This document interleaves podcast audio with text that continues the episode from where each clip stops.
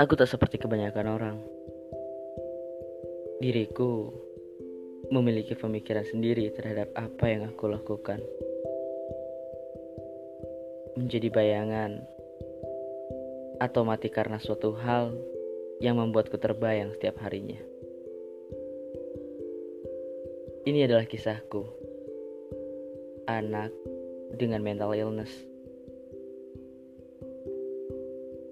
Aku harap kalian tak seperti diriku. Jadi, halo. Aku Al Ayubi. Senang bisa berbicara dengan kalian.